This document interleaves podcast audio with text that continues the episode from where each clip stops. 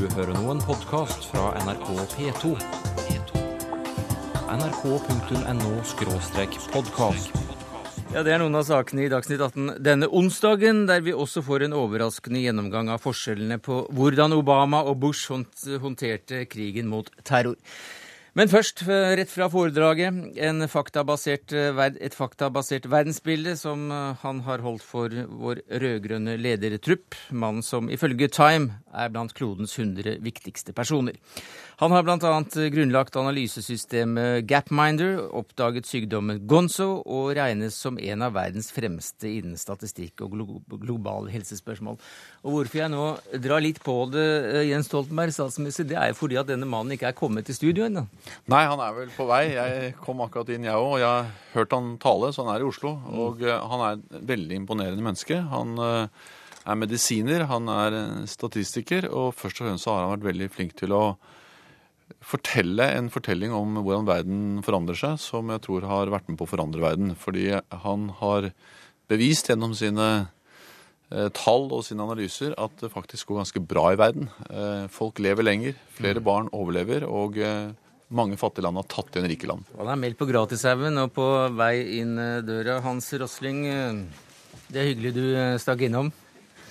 Du har møtt Jens Stoltenberg før, norsk statsminister? Ja, det har vi gjort. Ja. Hei, eh, Du holdt også i dag et foredrag, og jeg har skrytt fælt av deg. Du har en CV her som, eh, som eh, få andre, og i dag så har du snakket for bl.a.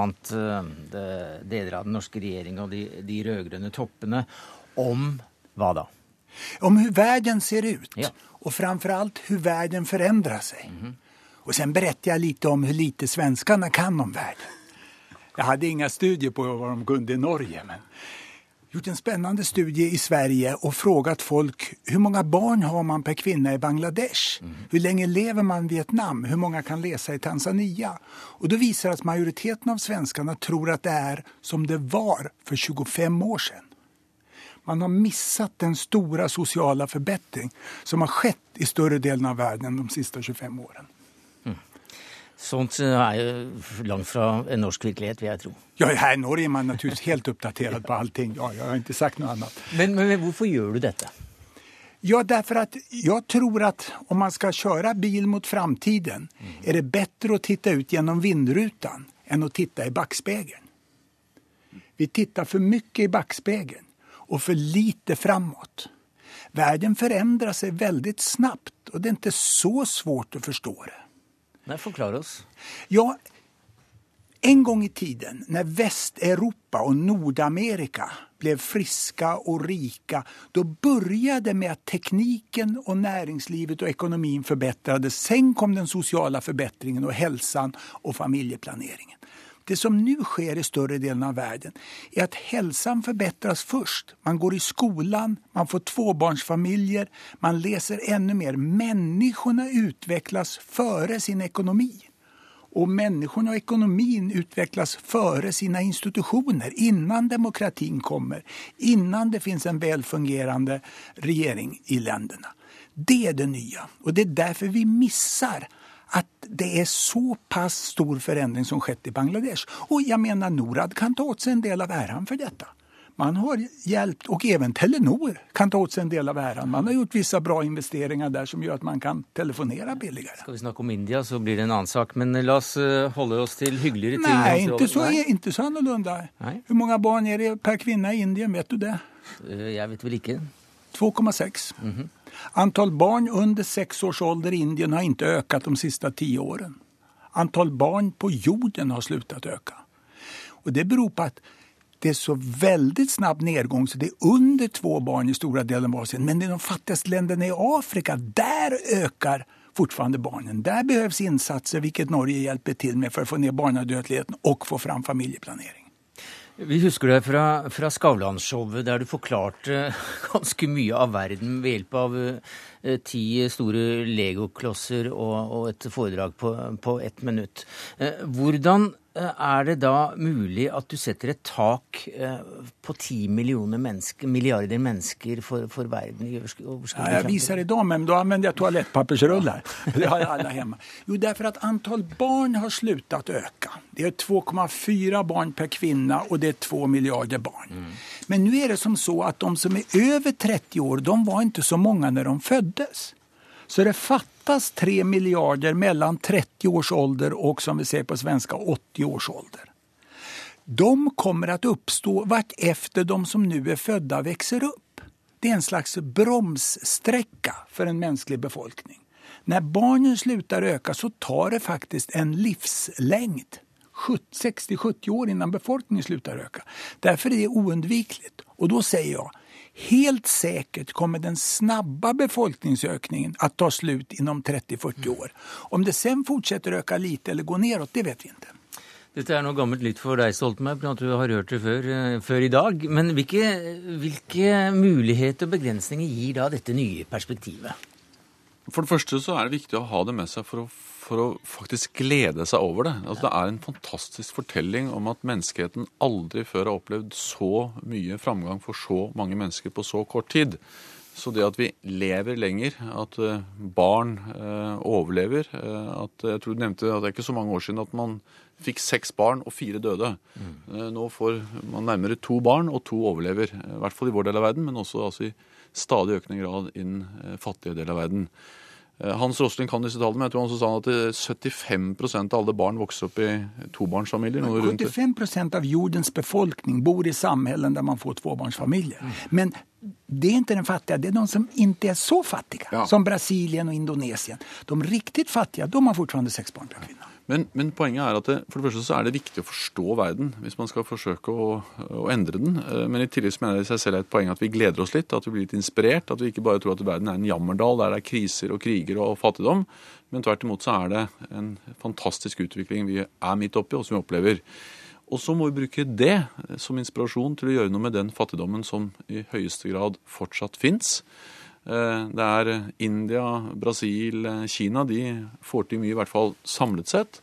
Men så er det mange land, bl.a. i Afrika, som henger veldig igjen. Og så er det selvfølgelig at fortsatt i land som India så fins det fattige, selv om India gjennomsnittlig sett og samlet sett eh, går veldig riktig veien.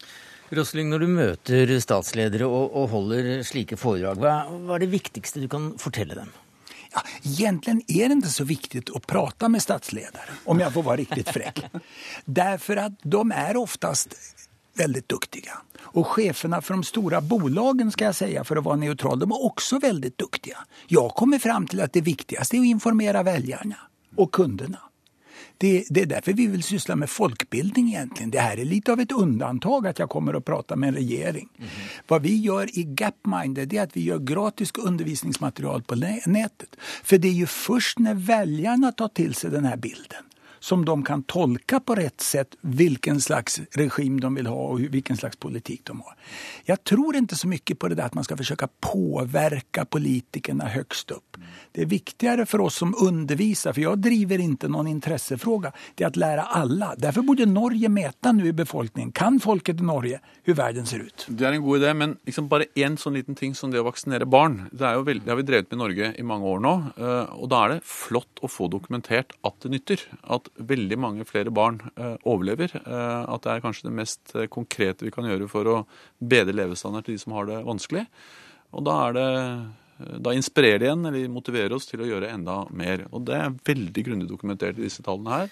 Hvordan eh, sånne enkle virkemidler, eh, vaksine til verdens barn, faktisk gir resultater. Og det er vel det eh, Hvis man skal sile ut et enkelt prosjekt som, som eh, er ditt hjerte nærmest når det gjelder akkurat internasjonal eh, satsing. Men ser du at det hjelper? Jo, men det er jo ingen tal om det. Det är så selvklart så det...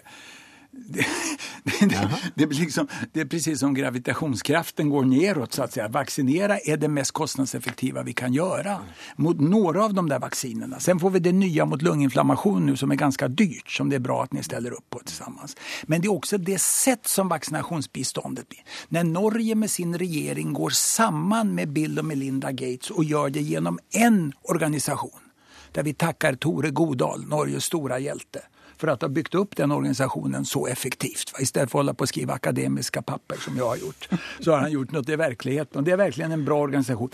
Men det rekker ikke med vaksine. Det må til skole for alle også. Det må til, til liksom et bedre jordbruk. Det må til elektrisitet hjemme. Det er de der grunnleggende sakene. Sen kan Telenor komme og investere. Sen kan norsk industri komme og investere når man kommer ur den djupeste fattigdommen. Det var derfor mitt forslag var at Norge skulle fokusere bistandet enda mer på de aller fattigste. Det er jo en veldig viktig beskjed eh, som vi har hørt i dag. Det er at Norge gir jo mye bistand, men eh, Hans Rosling mener at vi gir eh, nok litt for mye til en del land som det går bra i, sånn som f.eks. Brasil. Og det er i hvert fall en diskusjon vi får ta, om vi skal gjøre mer for å rette bistand enda mer inn mot de aller fattigste landene. Så igjen, kunnskap er en forutsetning for å ta de riktige valgene. Og på Gapminder og det som, som er dette, dette altså databanken eh, og den stiftelsen som eh, Rosling driver, der er det utrolig mye kunnskap som er spennende for alle som er opptatt av fakta, men som i tillegg gir oss eh, et bedre grunnlag for å gjøre verden enda bedre. For å legge til en sak. Jeg syns det er interessant hva Norge gjør, der man har biståndet til de aller fattige. Så fort det begynner gå litt bedre, da kommer bolag som Telenor og, og eh, olje- og energibolagen og skogsbolagen inn og hjelper til da. Men det ser jeg ikke som bistand. Det er sunt industrisamarbeid, sunt handelssamarbeid. Og det er bra det ni gjør. Jeg er ikke kritisk på minste sett det ni gjør i Brasilien. Det er bare det at jeg ikke vil klasse det som bistand. Her er det også en eh, stor optimist som ikke møter mye, mye, motstand i dag i studio. Det er heller ikke meningen, for en som er kjent som den store kommunikatoren, eh, er altså deg, Rosling. Og når du begynner din eh, seanse her i Dagsnytt 18 med å si at svenskene ikke vet noe om verden, ja, Da tror vi på ryktene om at du er en helt fantastisk markedsfører. Merk vel, jeg er ikke optimist. Jeg bare kan hvordan verden er. Man prater om verden i termer av optimist og pessimist, ikke kunnig og okunnig. Det er for mye liksom, känslor og ideologi. Det skal være lite mer huvud og kunnskap. Altså. Det, det, det jeg vil si. Jeg er possibilist. Jeg ser at det er mulig å ordne en bra verden. Det er ikke givet. Det blir ingen automatikk. Litt mer hode og kunnskap, Rosling. Vi må dessverre slippe deg her, for flyet ditt går. Så du ja. må bare løpe ut til taxien som venter. Takk skal du ha, professor i global helse ved Karolinska institutt, blant mye mer. Jens Stoltenberg, statsminister. Hør Dagsnytt 18 når du vil, på nettradio eller som podkast. nrk.no – dagsnytt 18.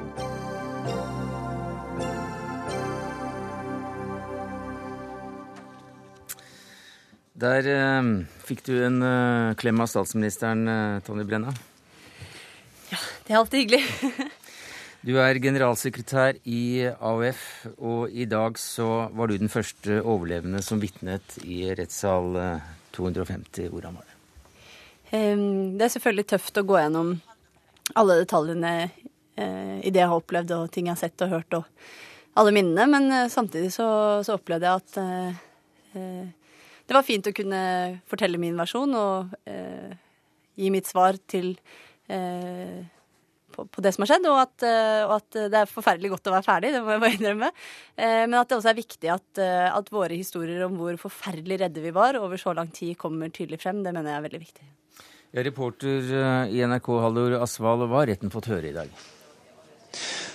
Ja, I rettssalen i dag så har det blitt eh, fortalt dramatiske beskrivelser av det kaoset, eh, den panikken den frykten som eh, oppsto eh, da Breivik begynte å skyte rundt seg på eh, Utøya. Overlevende har fortalt hvordan de så folk rundt seg falle mot bakken samtidig som de hørte skudd. Hvordan mange ungdommer løp vekk fra skuddene.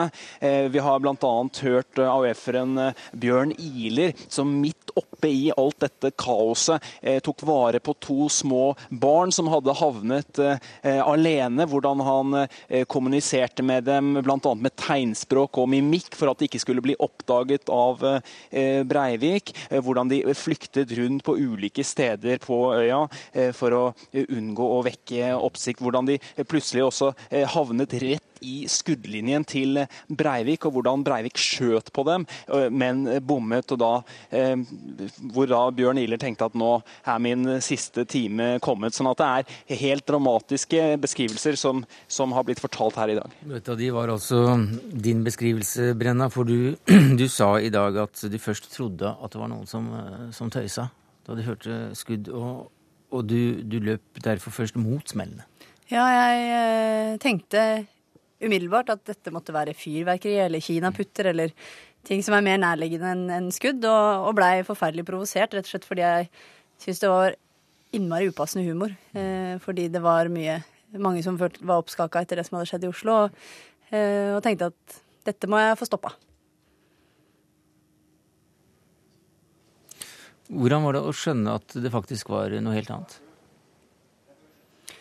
Altså, jeg tror eh, Jeg forsto jo ganske raskt at det var skudd, og at de menneskene jeg hadde sett falle, var blitt skutt.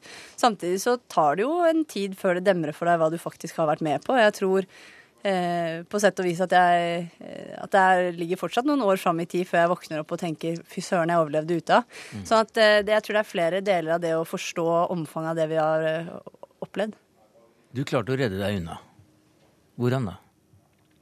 Da løp jeg alt jeg hadde, eh, så fort jeg kunne. Og så eh, er jeg så heldig at jeg er godt kjent på øya, så jeg visste ganske godt hvor det var områder som var mer rullende, og hvor det var kanskje mulig å finne gjemmesteder. Og så gjemte jeg meg gjenskremt nedenfor Kjærlighetsstien og holdt meg egentlig på samme sted gjennom de to timene.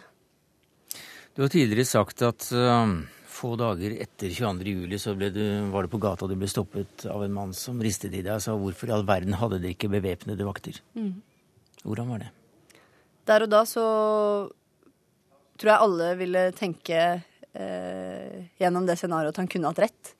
At det kan hende at eh, Eller stemmer det at det er galskap å ha en sommerleir, en politisk sommerleir uten at det fins væpnede vakter på, på det stedet vi befinner oss. Men for min del så hjalp det å snakke gjennom det og si det høyt til andre som bekrefta det jeg egentlig visste, nemlig at i Norge så er det fullt mulig og helt vanlig, og det er sånn vi gjør det her.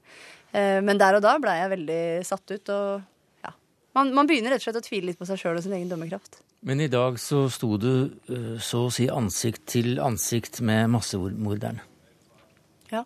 Hvordan var det? Når du sitter i vitneboksen, så forholder du deg til aktoratet og til advokaten og til forsvarer, og jeg opplevde at jeg hadde god dialog med alle som snakka til meg. Eh, og i liten grad ble distrahert av, eh, av, gjerningsmannen. Jeg så ikke noe særlig på han, og jeg forholdt meg veldig lite til han. Og mitt anliggende var å konsentrere meg om det jeg skulle, nemlig å tegne et uh, riktigst mulig bilde av det jeg hadde opplevd. Så heldigvis så slapp jeg å føle meg veldig forstyrra av at han var i samme rom. Ja, For du sier at han er ingenting, du bryr deg ikke om han? For meg så er det det som har skjedd og hendelsene og det vi har vært utsatt for, som er eh, det som er viktig, og det som er tungt, og det som er tøft, og det som er helt ubegripelig at skulle skje. Eh, og han for, mi, for meg betyr eh, ingenting. Det er konsekvensen av det han har gjort, som, som, preger meg. Det er snart ti måneder siden 22. juli. Hvordan har denne tiden vært for deg som en, en leder, en av de topplederne i AUF? Det har vært eh, et veldig sterkt fellesskap. Det har vært mye omsorg både oss imellom, men også fra andre som har brydd seg forferdelig mye om oss. Eh, sånn at det har vært mye godt, men det har også vært tungt. Og det at så mange bærer på så mye sorg og savn, det, eh, det gjør jo noe med mennesker, og det gjør jo med også, noe med et fellesskap også. Sånn at eh, det har vært mange tøffe dager, og selvfølgelig mange også lyspunkter. Ja, hva er det som er lyspunkter? At eh, hele Norge har vist sympati for eh, alle berørte i dette. At vi har eh, stått sammen på en måte som, eh, som man ikke kunne drømt om at kunne skje. At alle har stilt opp med alt fra å tilby gratis frisørtimer til oss som var berørt, til å sende blomster, til å møte opp i rosetog sjøl. Og mange tusen ungdommer har meldt seg inn i AUF, og mange andre har også engasjert seg i andre ungdomspartier og besvart det forferdelige som skjedde med å engasjere seg mer. Og det for, for politiske vesener som vi i AUF er, så er det utrolig mye trøst i det.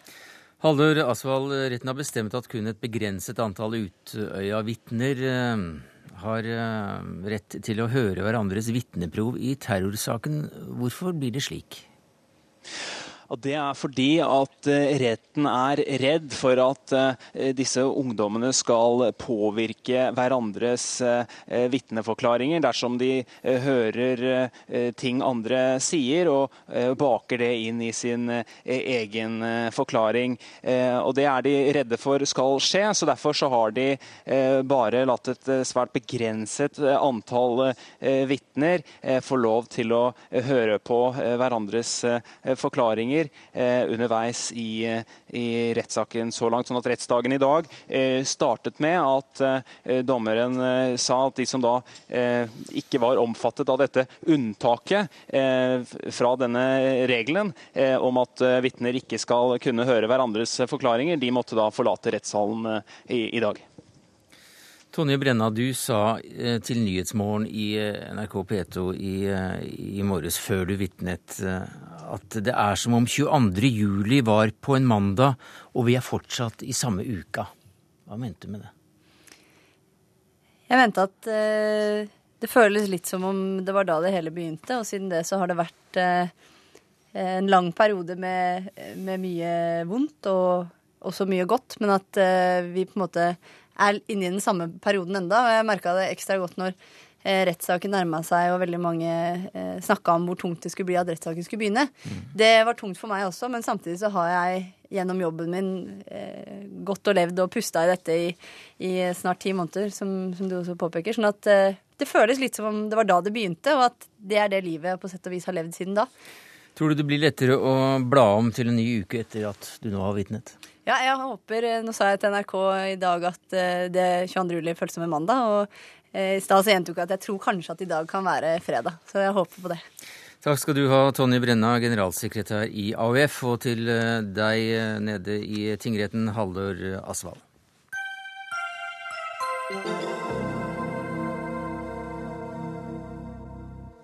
Så til eh, Statoils eh, oljeeventyr i Østerled med selskapet Rosneft, som i stor grad består altså av eh, det Jokos var, før eieren Mikhail Khodorkovskij som kjent ble fengslet. Da var han Russlands rikeste, fengslet for skatteunndragelse. Denne uka er sønnen hans i Norge med en annen versjon, som han fortalte om under menneskerettighetskonferansen Oslo Freedom Forum. Og Pavel Khodorkovskij, welcome to Dagsnytt 18. Thank you. From your point of view, uh, why was your father arrested in 2003? There are a couple of layers to my father's case, namely 3 mm. It's the political issue. My father was perceived by Mr. Putin at the time as his political opponent, and his financing of the opposition uh, was a big no no uh, for mm. Kremlin at that time. There was an economic layer Igor Sechin, the head of Rosneft at the time, saw a renationalization, or should I say, confiscation of Yukos as a very good way of growing the asset base for Rosneft. And then there was a personal animosity layer. Putin uh, felt challenged by my father because my father brought up the issue of corruption in the government at a meeting of uh, Russian Union of Industrialists and Entrepreneurs. Det var altså politisk, en politisk årsak ved at uh, faren støttet uh, opposisjonen også finansielt, og vil være en viktig person i opposisjonen.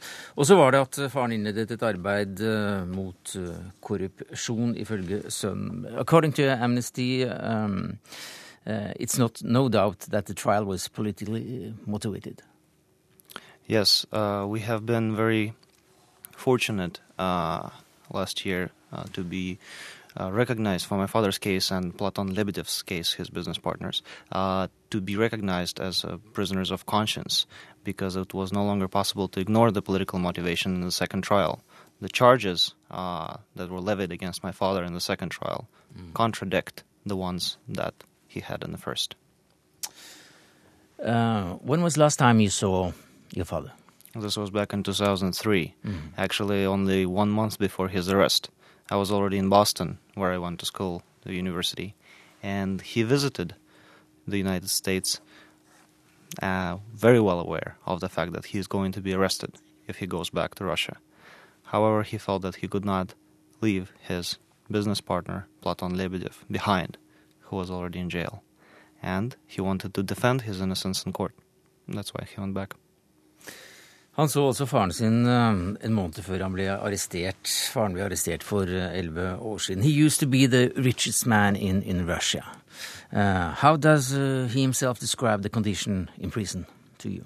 He never talks about it. He has seen so many aspects of the prison life because he has been in jails in Moscow and Chita, that's in uh, Siberia on, on the border with China, and prison camps in Siberia and now Karelia. And he realizes that a lot of other people are in much worse conditions that do not enjoy the same kind of publicity as he does. So he never speaks about the life in prison. Faren snakker altså aldri om det, men er eh, i et fengsel ikke så langt fra grensen til, eh, til Finland, så vidt eh, jeg forstår. Your father's company, Yukos, uh, is now a significant uh, part of uh, Rosneft. And this weekend, Statoil signed a multi-billion agreement with Rosneft. what is your reaction to that? For the Russian government, it is an opportunity to legitimize the asset base that was rolled into Rosneft. That's why they have tried, uh, since the BP uh, draft deal last year, to strike agreements and create joint ventures with foreign companies because uh, distributing the asset base and acquiring new shareholders in uh, Rosneft is a way to essentially launder the stolen assets. Mm-hmm. Det er altså en måte for eh, russiske myndigheter Dette selskapet er jo da, er jo da eh, eid av, av, staten. For russiske myndigheter å gjøre det veldig vanskelig å, å, dele opp selskapet igjen og gi det tilbake til det sønnen mener er de rette eierne, nemlig hans uh, egen familie. But how would you describe the risk Statoil is taking with this agreement? Uh, the risk is huge. Uh, the thing is that the joint venture under the current Russian political and judicial system uh, is able to be revised at any point in time. Mm. There is no rule of law. So the 33% stake that Statoil currently has on paper in this joint venture could be reduced to zero in no time. Yet they carry the obligation to invest technology and finances up front. Um, how um, how would you describe the, the situation in, in Russia now for, for foreign companies? Mm. For foreign companies in Russia? I think that there needs to be a much stronger insistence for foreign governments to demand reforms and return to the rule of law so that foreign companies may enjoy the same level playing field mm. as anywhere else in the world. Russian economy is very much a part of the world economy today. There is no disputing that or rolling back. So we need to make sure the, the protections everybody enjoys are the same in Russia. Mm. Pavel Khodorkovsky sier også at uh, det, er ikke noe rettssikkerhet å, snakke om i Russland, og at uh, utenlandske selskaper dermed tar en veldig stor uh, risk. what would then be your message to Statoil be if you could speak directly to them? I would advise them to run away from this deal. The risks, in my opinion, are way too high, and the possibility for losing assets and part of the licenses that the Rosneft can acquire uh, on the Norwegian shelf is way too high. Mm. The communication manager for Statoil's international activities, Bård Glad Pedersen, is sitting just besides you. So, uh, what would you like to ask him? I really would like some insight into the uh, analysis of the risk. And we're very, we're very much practical people, and I understand the kind of uh, uh, attractiveness this deal uh, has for Statoil, but I would like to ask you for to provide some insight uh, into how the risks were evaluated in this deal. Well, uh, uh, first of all, let me say that uh, what I can speak about is the business transaction we are doing and cannot comment on the political circumstances in, in Russia or your, your father's case. we have been working in, in Russia for 20 years. Eh, we are a partner in the producing field onshore. We are a partner in the, Stockman project. I think we we know uh, Russia quite eh, quite well. All international oil companies need to understand risk, need to be able to manage risk geological risk, economical risk, technical risk, and also political risk. There are political risks anywhere in the world where you want to operate, and you need to understand and manage that. But what about Russia? Well, we have been working there for uh, for decades, uh, have some experience. Think we we understand uh, Russia well. We have entered into agreements with Rosneft similar to what ENI and Exxon uh, also uh, has done in competition with our peers in in, in other uh, countries. We um, want to create uh, a, cooperation that not only in Russia but also in Nor Norway and potentially uh, internationally share uh, common interests with with with Rosneft, and we are happy to have this opportunity to explore vast areas offshore mm. Russia.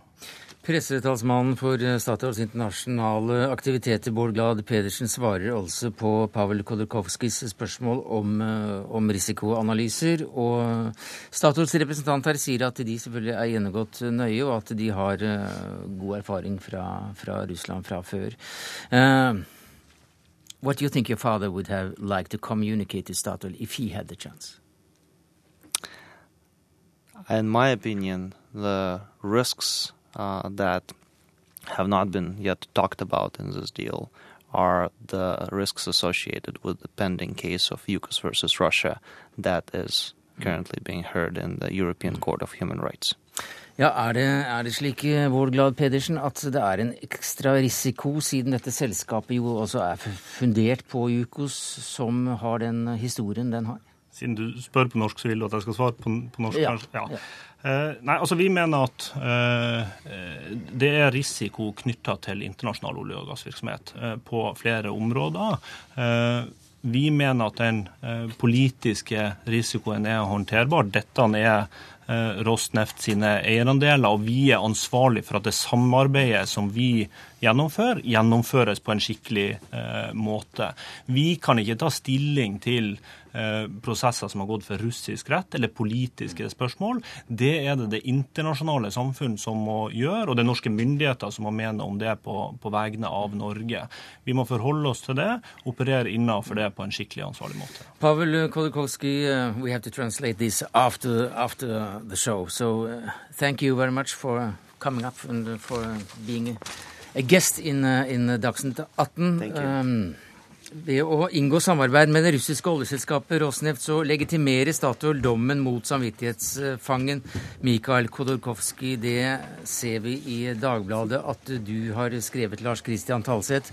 Du er altså doktorgradsstipendiat i internasjonal politikk ved Oxford. Hva mener du med det?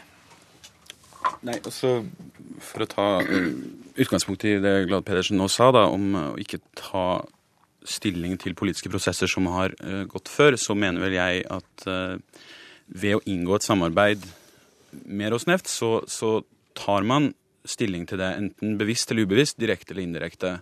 Og, og grunnen til at jeg mener det, er at uh, Rosneft sin posisjon i dag, og størrelse i dag, og eiendeler, er uløselig knyttet til Yukos-saken.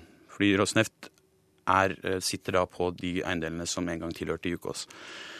Og Yukos-saken er uløselig knyttet til Khodorkovskij-rettssaken. Han var den største aksjonæren og var, var sjefen for, for Yukos. Og, og, og, så langt er liksom, hendelsesforløpet rimelig ukontroversielt, og det tror jeg alle vil være mm, ja. uh, enig med meg, selv, selv, Putin. Men det som er kontroversielt, er, er, jo, er jo, rettsprosessen og, og, det juridiske ved dette her. og behandlingen da av Khodorkovskij, ikke minst, Yukos og, og men også de 55 000 aksjonærene som en gang hadde eiendeler i, eh, i dette selskapet. Og igjen da, mitt utgangspunkt da er at og, og, flere andre også har jo også satt spørsmålstegn ved, ved, dette. Disse vil jo da hevde at dette er et tyvgods, som Pavel Korokovskij var inne på her. At å, å, drive forretninger med, med Rosneft er å gjøre seg indirekte i hvert fall skyldig i en form for hvitvasking av, av tyvgods.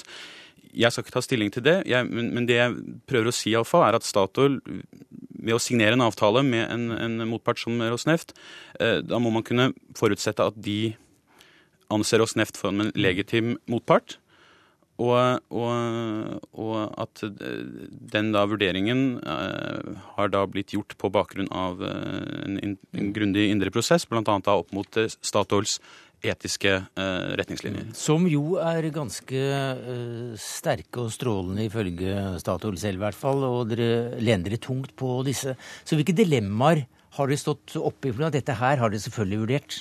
Statoil har et betydelig ansvar når vi driver eh, internasjonal virksomhet. og FN har jo eh, dratt opp hva er det som er de ulike samfunnsaktørenes ansvar eh, når det gjelder spørsmål om eh, menneskerettigheter. Jo, men Nå snakker vi om akkurat ting. dette eksempelet jo, men, her, som men, dere har gått igjennom og analysert risikoen av, og også selvfølgelig historien til, til den nåværende samarbeidspartneren. Jo, men, men det, Grensedragninga eh, som er gjort på prinsipielt nivå, gjelder jo også for denne saken. Og, og Grensedragninga er at vårt ansvar som et eh, olje- og gasselskap er å sikre at vår virksomhet gjennomføres på en ansvarlig måte, med respekt for menneskerettigheter, med nulltoleranse mot korrupsjon, i henhold til relevante eh, internasjonale og norske regler. Det er et betydelig ansvar eh, som vi tar alvorlig.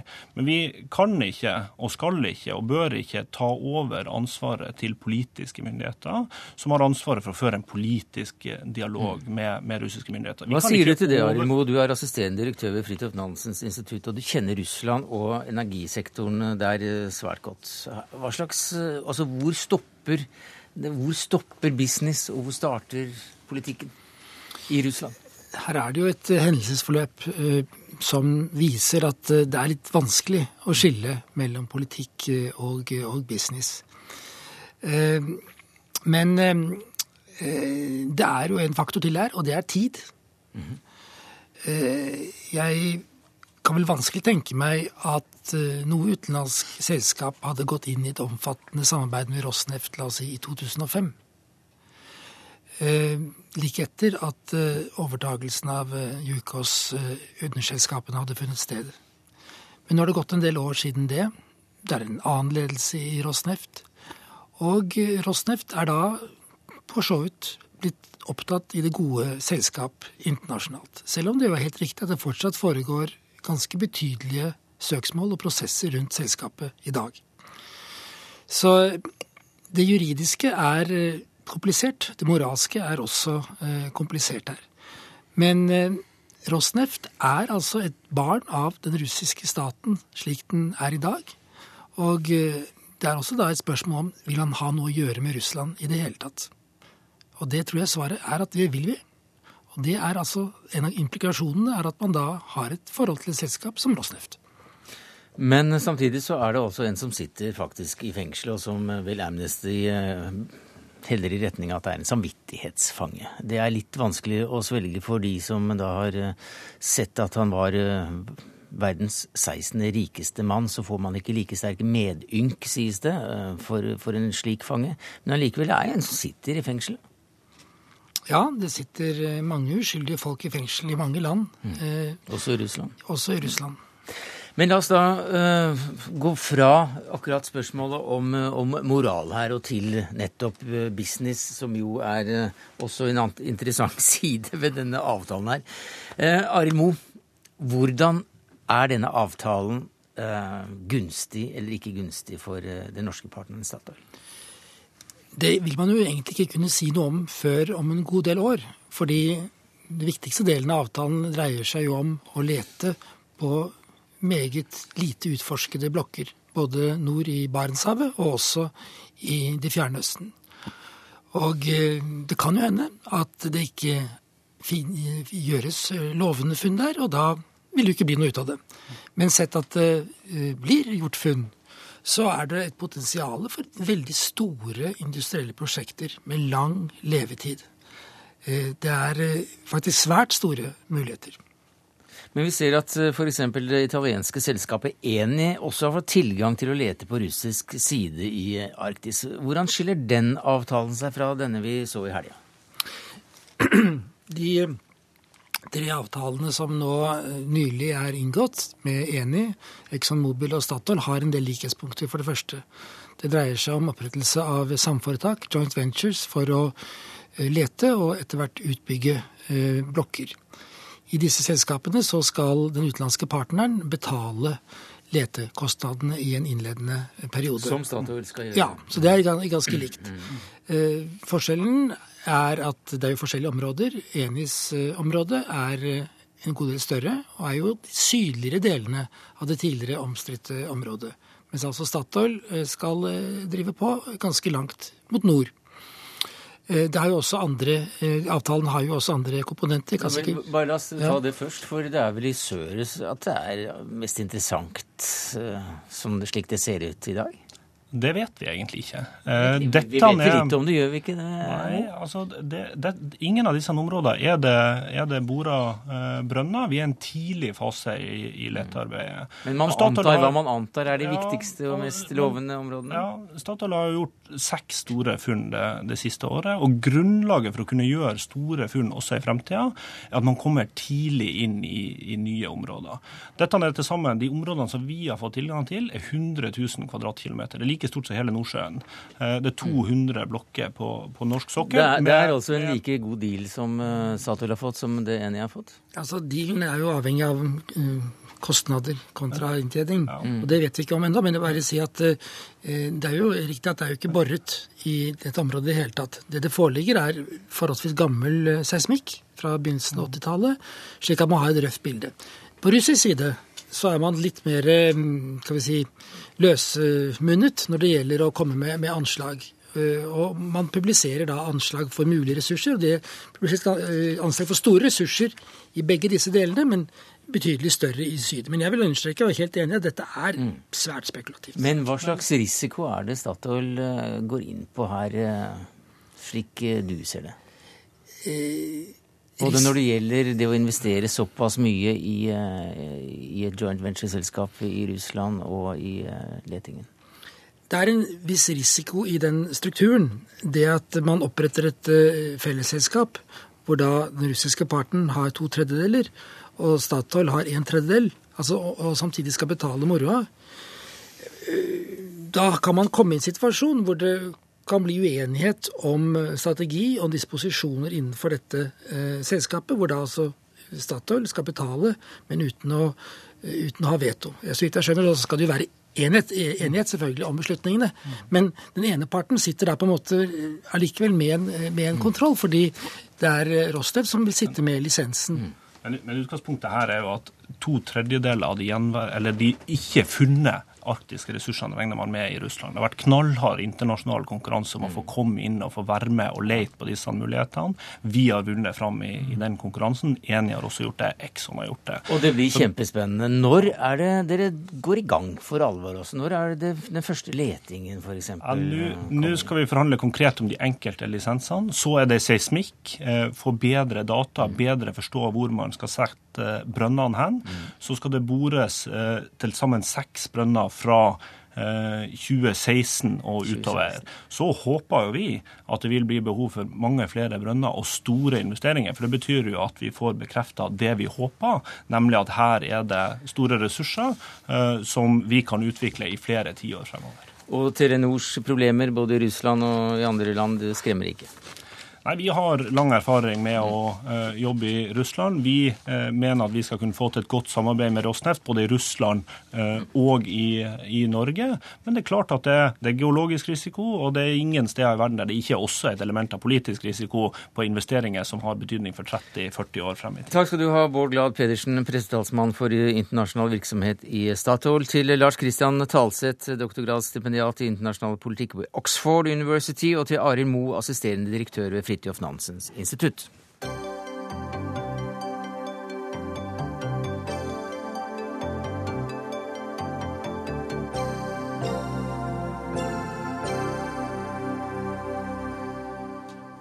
Fra Russland til USA, for eh, lørdag startet altså rettssaken på Guantánamo mot den selverklærte hjernen bak eh, terrorangrepet 11.9, og igjen murrer vest venstresiden i Det demokratiske partiet over at Obama ikke har stengt den leiren, slik han lovet for fire år siden. 6.11 er det valg i eh, USA, Hilde Restad.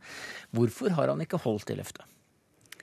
Em, Det vil eh, Obama sagt er fordi at Kongressen ikke har samarbeida. Det er veldig vanskelig å få til noe som helst i USA eh, hvis du ikke får Kongressen med på de sider. Eh, og det å stenge Guantánamo-basen, eller fengslene på Guantánamo, vil innebære, er jo for det første at du må overføre de her fangene til et annet fengsel. F.eks. I, i USA. Og eh, det var veldig mange senatorer og kongressrepresentanter som motsatte seg å få terrormistenkte i sine fengsler i sine delstater. Eh, og de kutta finansiering til å, til å få lov til å gjøre det. Så Obama ville hevde at han har blitt motarbeida av Kongressen. Og du hevder at Eh, så kan man jo si eh, på andre sida eh, at eh, i sikkerhetsspørsmål så, får, så har eh, presidenten mye makt. Og eh, hadde han valgt å legge sin politiske kapital bak den saken, så kunne han kanskje ha kommet lenger. Eh, Men han hadde andre prioriteringer, f.eks. helsereform og den økonomiske krisa. Så Guantánamo eh, var nok ikke øverst på lista hans. så Guantánamo var i spill. Eh, Jeg tror ikke han, han har ikke inngått noe kompromiss, sånn sett, men han har eh, rett og slett eh, hatt andre ting som han var mer opptatt av. Denne uka så har du også vært opptatt, for du la fram en rapport, eller et paper, på Norsk utenrikspolitisk institutt, der du er seniorforsker, om krigen mot terror fra Bush til Obama. Og der trekker du opp interessante forskjeller og likheter mellom bl.a. disse to pre pre presidentene i så måte. Eh, Og du skriver også, bruker også ordet erteris i en, i en artikkel i tilknytning til paperet. Eh, ja, ja, det var et, det var et blogginnlegg, men, men ja. Um, det som er litt interessant, er jo at den andre Bush-perioden, hans andre presidentperiode fra 2005 til 2009, og Obama sin første periode, har vært på mange måter veldig lik. Det har vært veldig mye kontinuitet i krigen mot terror fra Bush til Obama. Og det er kanskje for noen overraskende, fordi at Obama i 2008 var veldig klar. Altså En ting er at alle politikere gir valgløfter og lover alle mulige slags ting. Eh, men Obama var veldig spesifikk i sine løfter. Det var ikke noen grunn til å tro at det var eh, løfter han ikke hadde tenkt å overholde. Jeg tror nok at han mente det han sa i 2008, når han sa at Guantánamo er en skamplett i amerikansk historie. Det vi gjør der er grunnlovsstridig, og vi er nødt til å avslutte det her på en, på en verdig måte. Eh, så jeg tror han mente det, men han har jo ikke fått det til. Og det er jo et paradoks når eh, den amerikanske presidenten har så mye makt som han faktisk har i utenrikspolitikken. Um, Så det har vært for mange på venstresida, som du sa, i Det demokratiske partiet, veldig skuffende. For noen veldig overraskende, for andre kanskje ikke så mye.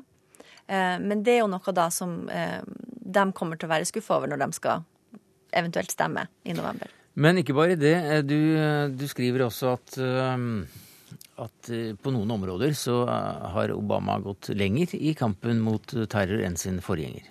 Ja, det gjelder særlig når det kommer til bruk av drone, og det her med at de at det amerikanske justisdepartementet nå har erklært at USA kan drepe amerikanske statsborgere eh, ved f.eks. et dro droneangrep eh, i utlandet, som de gjorde med avlak i Jemen i høst, dersom de, de ikke har en annen måte å få tak i dem på.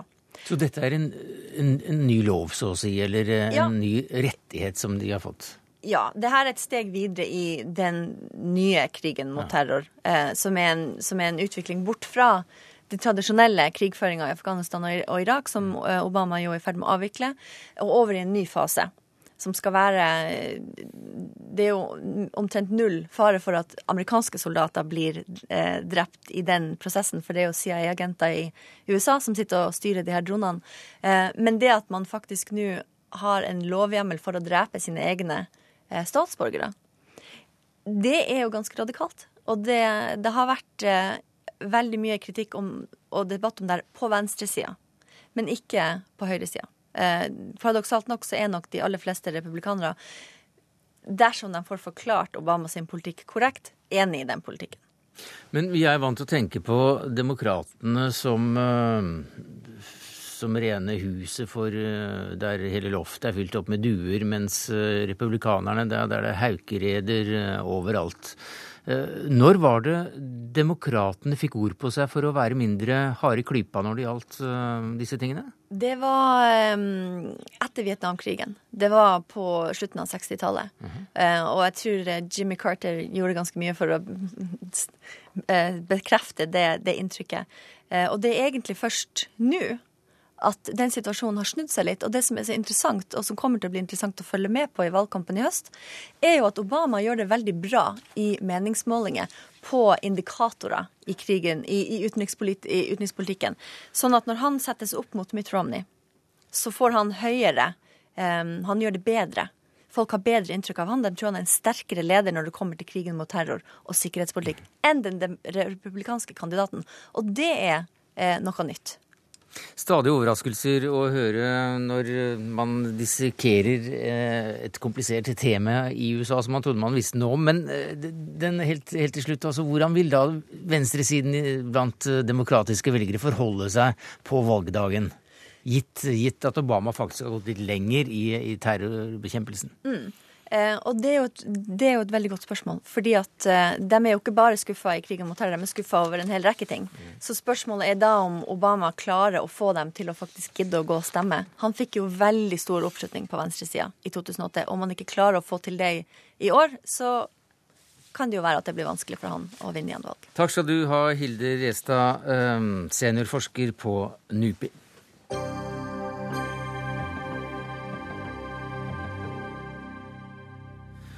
Nå skal vi snakke om farlige forbindelser her i Dagsnytt 18, for det er tittelen på rapporten som dere har laget sammen med Fagforbundet Liv Tørres, du er generalsekretær i Norsk Folkehjelp. Hva slags farlige forbindelser er det dere beskriver her? Vi sikter jo på forbindelsene mellom eh, Norge og Palestina-Israel. Mm. Utgangspunktet her er en tverrpolitisk enighet i Norge som har vart i mange år om at vi er for en etablering av en palestinsk stat. Eh, tostatsløsning. Vi er imot okkupasjon. Vi er også mot ulovlige bosettinger, noe for øvrig også folkeretten er. Mm. Og det har vært gjentatte uttalelser fra politisk hold om at dette er vi imot. Og så ser vi da samtidig at det er omfattende økonomisk engasjement fra norsk side. Handel, investeringer. Eh, inn i okkuperte områder og ulovlige bosettinger. Ja, hva slags investeringer? Det er eh, oljefondets eh, investeringer. Det er banker og fondsforvaltere, norske. De største. Altså av de største 13 bankene og fondsforvalterne i Norge, så har altså 12 av dem eh, verstinger, som vi kaller dem, på, på lista. Oljefondet har en rekke av dem. Vi har med to av verstingene i studio her. Stina Billinger, du er sjef for bærekraft i Storebrand. Hva sier du til disse påstandene? Jo, alltså først og fremst vil jeg bare si at denne den typen av rapporter, at vi får frivillige organisasjoner Det er sikkert kjempebra, men hva sier du da til de påstandene om at dere investerer eh, stort i eh, områder der norsk politikk sier at man kanskje vi, burde vært litt mer forsiktig? Vi investerer i fire av de selskapene. Eh, ett av dem er vi djupt engasjert i dialog med. Ett av dem är vi, eh, står på vår utelukkelselista men vi är investerade på grund av regelmässiga skäl för att det är en indexfond och två av dem har vi gjort helt andra bedömningar. Eh, många utelukkelser har vi ju gjort eh, på grund av, av, av eh, brott i Israel-Palestina. Mm. Så vi har ju fem utelukkede selskaper på grund av det. Det er vel alltid tørres. Ja, altså Vi syns jo det er kjempebra. Vi eh, har nok litt annet syn på hva som skal definere normbrudd, og hvor restriktive man skal, skal være. Vi syns de skulle ha trukket seg ut av flere. Det samme gjelder jo oljefondet. Men, og i tillegg så syns vi det hadde vært uh, veldig bra om de hadde offentliggjort uh, de de ekskluderer. Altså For per i dag så er det ikke veldig enkelt å forholde seg til hva det faktisk er de gjør, og hvordan de da faktisk tolker et etisk ansvar og et samfunnsansvar i disse områdene. Mm. Ja, alltså, vår holdning där är att, att, vårt uppdrag är att investera pengar för en bærekraftig framtid. Og da vil vi at de pengene skal investeres i förändring. Er ikke oppgaven å, å investere slik at uh, aksjonærene får mest mulig utbytte? Kunderna har gett oss ett uppdrag att investera pengar eh, för att de ska få en bra pension og en bra värde mm. att gå i pension ja. i. Eh, och det är det uppdraget Og da och då, då ska vi investere på et, på ett bærekraftig sätt. Eh, och eh, vårt, vårt val, det vi har gjort, det är helt enkelt att, att vissa sällskaper eh, har vi valt att inte investera i. Eh, men det viktigaste vi gör är att föra dialog med sällskapen. Mm. Och den dialogen går väldigt mycket bättre om vi inte offentliggör och sitter i medier och kommenterar företagsnamnen. Ja, altså bare kort til det. Jeg, jeg, mener jo faktisk at dette her er brudd på folkeretten i utgangspunktet. Og sånn sett altså viktig nok å, å, å ha som utgangspunkt og grunnlag for eksklusjon. Mm. Eh, så er det viktig å ha med seg at bærekraftighet her, det må også inkludere et etisk ansvar, samfunnsansvar og respekt for folkeretten. Mm. Så, så, Der er vi 100% enige. Ja, men da burde dere jo da også ha trukket dere ut, tenker vi. Jeg, jeg har lyst til å legge til en ting til. For altså, det er jo ikke sånn at altså, Storebrand gjør jo faktisk en del. Eh, oljefondet gjør en del også. De, vi syns ikke at de gjør nok. Men vi er glad for de som nå tar den dialogen med selskapene, graver fram informasjon og trekker seg ut der de syns det er nødvendig, selv om vi syns de skulle være mer restriktive. Vi syns at myndighetene skal mer på banen, vi. Det er også viktig å understreke. Vi syns at den norske regjering bør gå ut aktivt og oppfordre til stopp i handel med okkuperte områdene, med bosettingsområdene, og aktivt å trekke seg mm. ut av investeringsuniverset Gro, der de er inne. Gro Nystuen, som medlem av eh, Etikkrådet for Statens pensjon for utland, så gir du altså da råd til eh, når nok er nok, eller hvor man, eh, hva, hva, man bør holde seg unna og er med på da å legge premissene for noe av det vi snakker om, om her i dag, nemlig hva som er greit for et av verdens største pensjonsfond å, å gjøre, så lenge det er norsk med de norske verdiene som skal ligge i det. Eh, hvorfor investerer da oljefondet i disse områdene? Det måtte du invitert noen fra Norges Bank til studio for å få svar på. Vi i Etikkrådet er ikke involvert i investeringsstrategier. Men dere er vel dere er med på å legge rammene og vi føringene? Vi ser bare på selskaper med henblikk på å anbefale utelukkelse av dem. Så vi ser på samme måte som eh, Norsk Folkehjelp har gjort, på det vi kan kalle verstingselskaper. Så det at man investerer i utgangspunktet, det er utenfor vårt mm. mandat. Vi er en slags etterkontroll som da anbefaler at selskaper skal ut hvis eh, de bryter normer. Og der er jo vi også helt på linje med det Norsk Folkehjelp her sier. Eh, selskaper som åpenbart bidrar til brudd på folkeretten, eller på andre måter bryter med de etiske normene oljefondet har. Det kreves jo ikke fra vår side at det skal være folkerettsbrudd. Eh, det er nok at det er eh, dypt uetisk, eller at det er andre kriterier i våre retningslinjer mm. som er brutt. Men hva da med å investere i selskaper som opererer på det mange vil kalle okkupert område? Ja, der er det jo sånn at vi har utelukket uh, selskaper fra oljefondet som har uh, vært bidratt til det. Men fremdeles så er de vel der? Ja, så er det en rekke selskaper som nevnes av Norsk Folkehjelp. Og da er jo det sånn, det kjedelige med oss i Etikkrådet er jo at vi ikke kan kommentere noen av de sakene som Finansdepartementet enda ikke har offentliggjort. Så vi kan faktisk ikke kommentere de enkeltsakene som dras frem her. Ja, altså igjen så er vi tilbake til myndighetene. Altså Gro nevnte Norges Bank. Det er jo også sånn at der Etikkrådet ikke anbefaler uttrekning, eller der Finansdepartementet ikke følger det, den anbefalingen som har vært gjort av Etikkrådet, så kan Norges Bank gå inn og i hvert fall ta en dialog med disse selskapene og si at dere bør rett og slett eh, endre atferd eller trekke dere ut osv. Det henger på instruksjon fra Finansdepartementet. Så både Finans- og Utenriksdepartementet må bestemme seg for hva de faktisk mm. mener om dette. Men uh, ingen av de instansene er her også, men det er da medlemmet av Etikkrådet. sånn at jeg får spørre deg igjen, eh, Gro Nystuen. Er det slik at man ikke automatisk utelukker uh, investeringer i foretak på okkuperte områder? Nei. Det er helt riktig. Det er ikke automatikk i det. Vi ser på selskapene og om det er noe spesifikt å klandre de selskapene. Vi mener ikke nødvendigvis at det å drive butikk eh, på et okkupert mm. område i seg selv utgjør en grunn mm. eh, til eh, utelukkelse. Burde det være det, Tørres? Ja, altså her sitter Norge går aktivt ut og sier at bosettingene er det største hinderet mot fredsforhandlinger i Midtøsten. Da må vi mm. følge opp det i praksis. Det var siste ord i Dagsnytt 18 denne onsdagen. Takk til Live, Liv Tørres, Stina Billinger og Gro Nystuen. Det var det vi rakk i Dagsnytt 18 i dag. Takket være ansvarlig for det hele, Sara Victoria Rygg. Det tekniske ansvaret hadde Eli Kyrkjebø. Jeg heter Sverre Tom Radøy. Du har hørt en podkast fra NRK P2.